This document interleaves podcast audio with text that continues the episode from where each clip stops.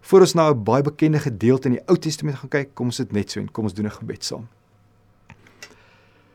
Ons Hemelse Vader, ons ons kom na U in absolute afhanklikheid. Here, U is ons God, ons is mens.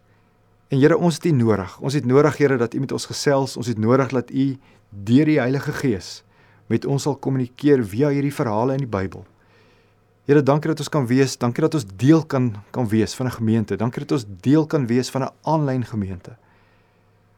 Here, dankie dat ons weet dat U lief is vir elkeen van ons. Here, dankie dat ons weet dat U elke dag by ons is. Dankie dat ons weet Here dat U in ons is. Dankie dat ons weet Here dat ons deel kan neem aan dit waarmee U op hierdie aarde besig is.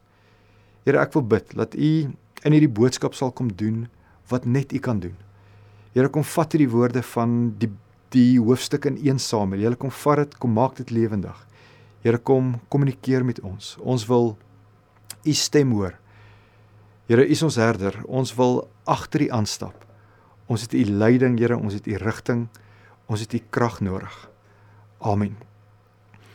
Ons kyk vandag na 'n gedeelte in 1 Samuel hoofstuk 17. Jy's welkom om jou Bybel oop te maak.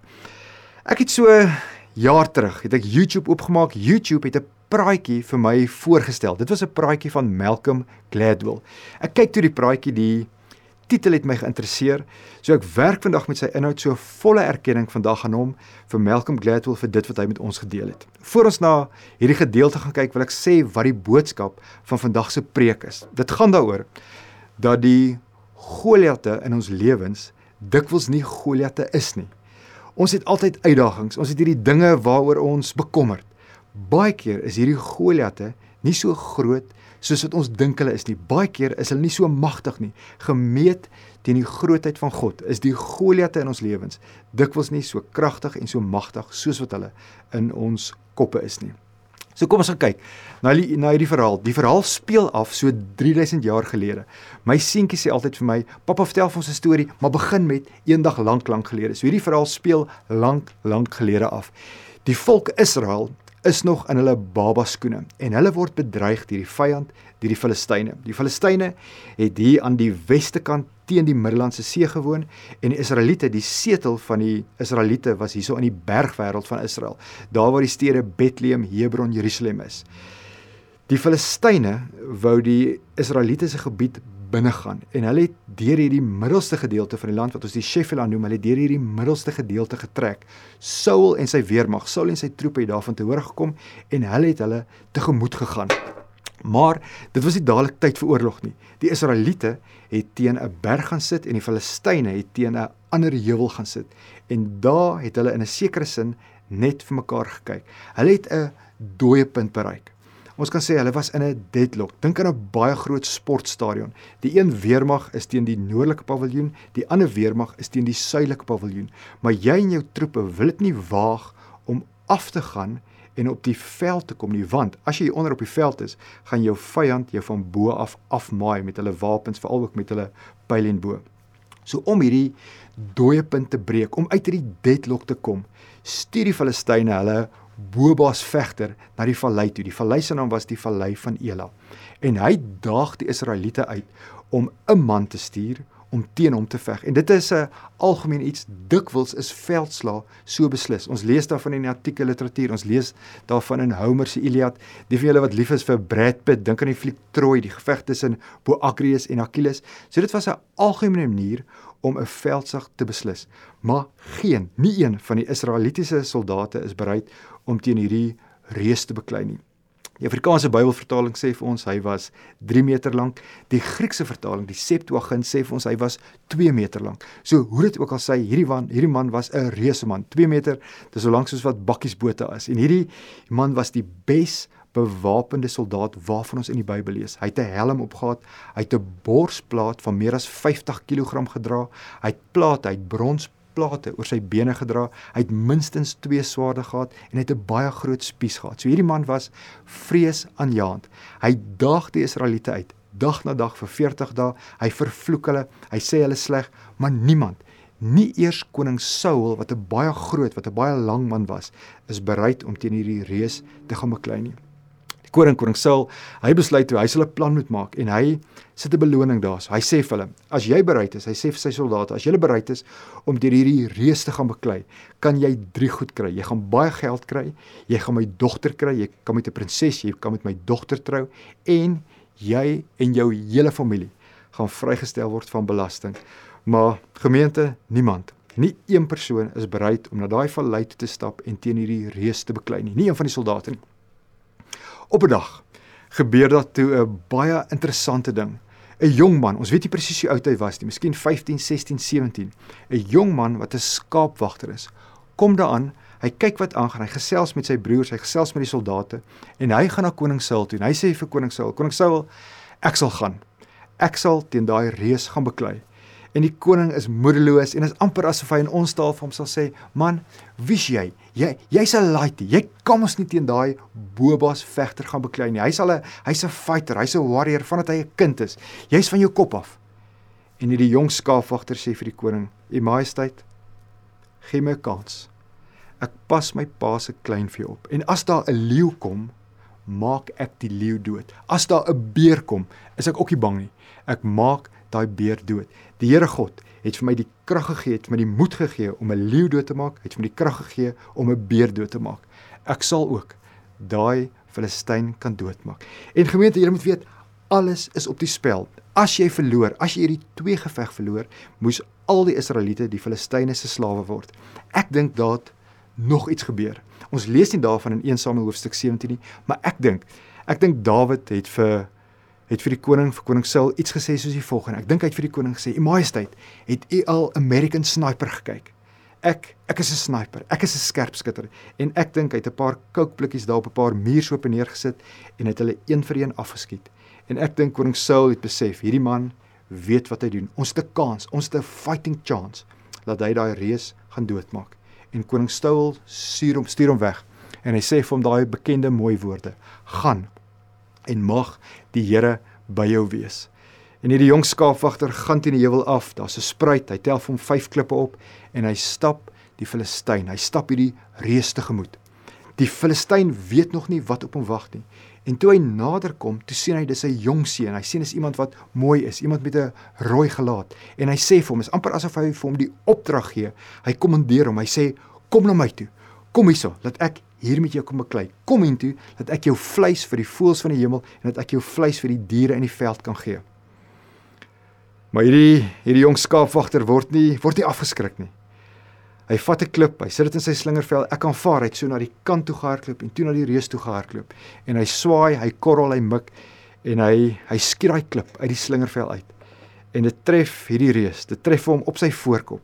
Hy val vooroor en ons is nog nie seker of hy dood is en of hy bewusteloos was nie, maar Dawid maak seker. Hy vat 'n swaard van die reus en hy hy onthoof hom, hy kap sy kop af. Almal van ons ken hierdie storie. In ons land, in ons taal, in soveel in soveel dele van die wêreld het die woorde Dawid en Goliat 'n metafoor geword. Die die kleintjie teen die groote.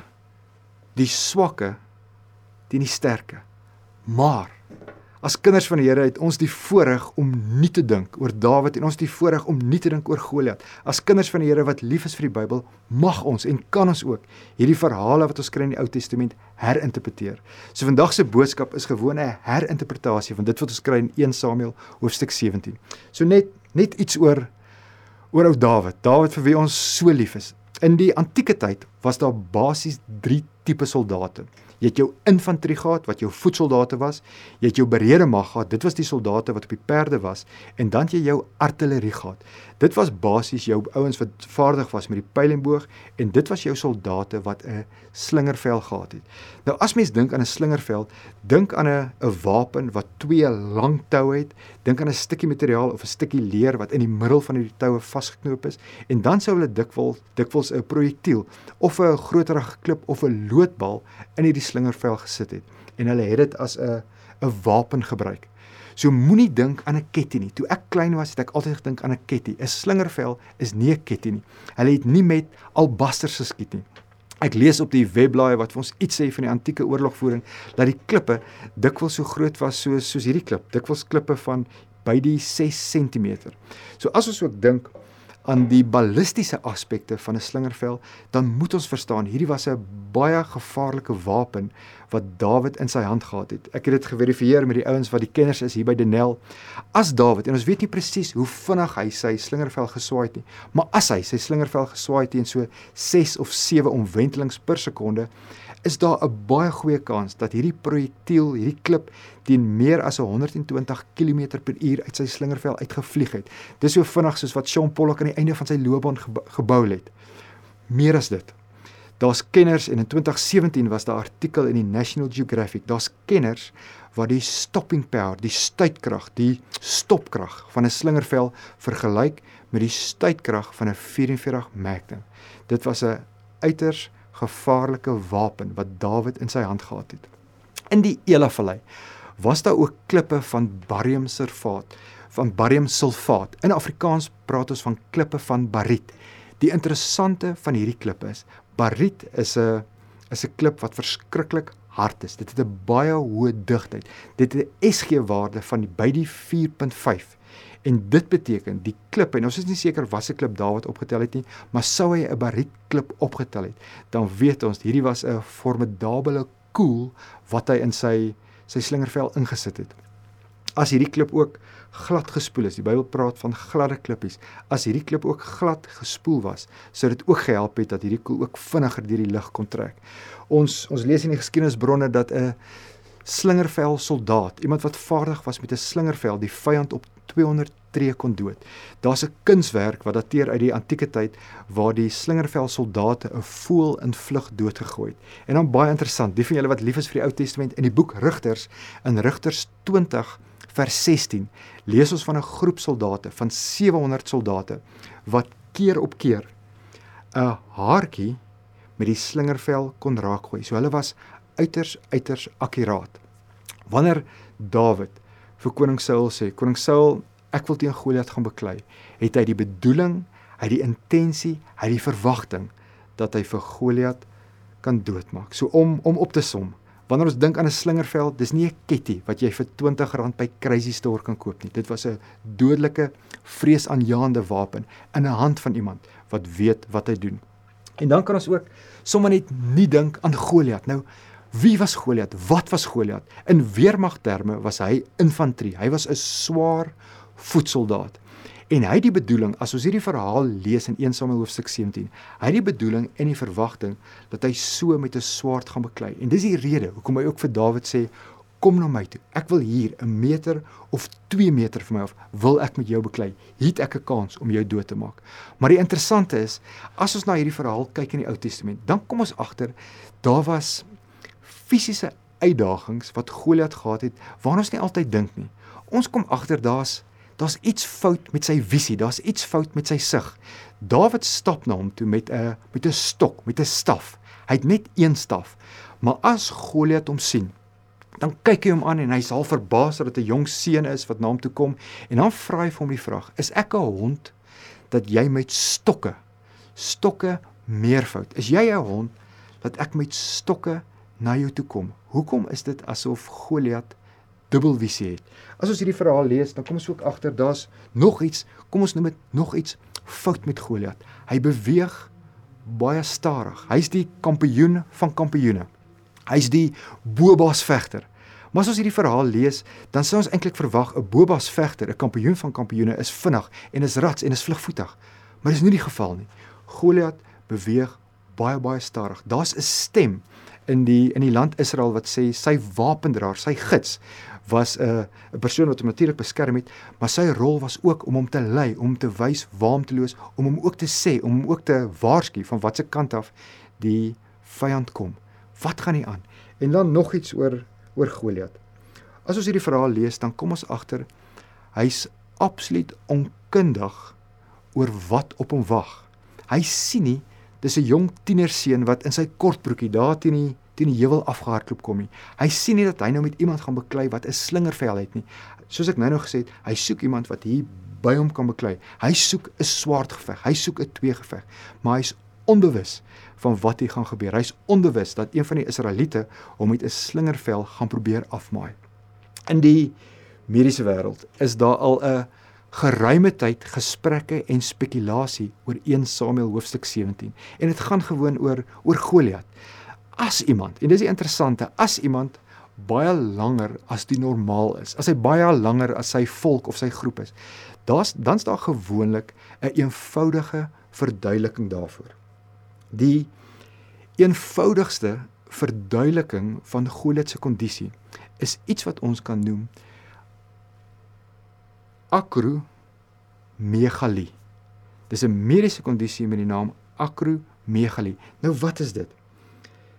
Akromegalie word veroorsaak wanneer 'n goedaardige gewas op jou pituitêre klier groei. En dit veroorsaak 'n oorproduksie van die menslike groeihormoon. Met ander woorde, jy groei meer, jy groei vinniger as jou vriende, as jou maats. As jy gewoon dink aan die Guinness Book of Records, die langste man wat ooit geleef het, Robert Wadlow. Hy was 2.71 meter lank. Hy het akromegalie onderlede gehad. Op hierdie stadium is die man wat die langste op aarde is, 'n man met die naam Sultan Kosen. Hy's 2.51 meter lank. Hy het ook akromegalie gehad. Die vriende wat lief is vir fliek, die vriende wat lief was vir stoei, Andre the Giant. Hy het akromegalie onderlede gehad. Nou akromegalie het 'n paar neeweffekte. Ek gesels gelede verlede week met 'n mediese dokter met 'n vriend van my. Hy sê vir my een van die neeweffekte van akromegalie is dat jou bene baie bros is, dat jou bene bros word. En hy sê vir my dit verduidelik vir hom hoekom hierdie klip, hoe hierdie hoekom hierdie koel, die projektiel so maklik in Goliat se kop ingegaan het. Want sê hy vir my, die bene in ons voorkop is baie baie hard. Ek het in die week 'n artikel gelees van 'n prof van Israel. Hy's 'n neuroloog. Hy sê wanneer jy akromegalie onderlede het, is jou is die been in jou voorkop ook baie dunner as 'n gewone mens se been. So dis die rede hoekom hy sê die klip so maklik in Goliat se kop ingegaan het. Wanneer mens hierdie hierdie siekte onderlede het, gebeur daar ook iets hier op jou pituitêre klier. Die gewas wat groei, druk jou visuele senuwees vas. En dit kan veroorsaak laat jy dubbel begin kyk. Dit kan veroorsaak dat jy dubbel sien en dit verduidelik vir ons hoekom Saul, ekskuus, hoekom Goliat twee stokke sien. Dawid kom na hom toe aangestap en hy het 'n staf in die hand. Maar wat sien Goliat as gevolg van glo ons die akromegalie? Hy sien twee stawwe. Hy sien twee stokke. Jy kan ook bysiende raak. Jy kan tunnelvisie ontwikkel en dit verduidelik vir ons hoekom hy totaal en al onbewus is van dit wat op hom wag. So gemeente om af te sluit. Die Israeliete sit in die berg. Hulle kyk af op die vallei van Ela en hulle sien hierdie hierdie reus. Maar hulle besef nie, hulle weet nie dat die bron van sy sterkpunt ook die bron van sy swakpunt is. Kerk sonder mure.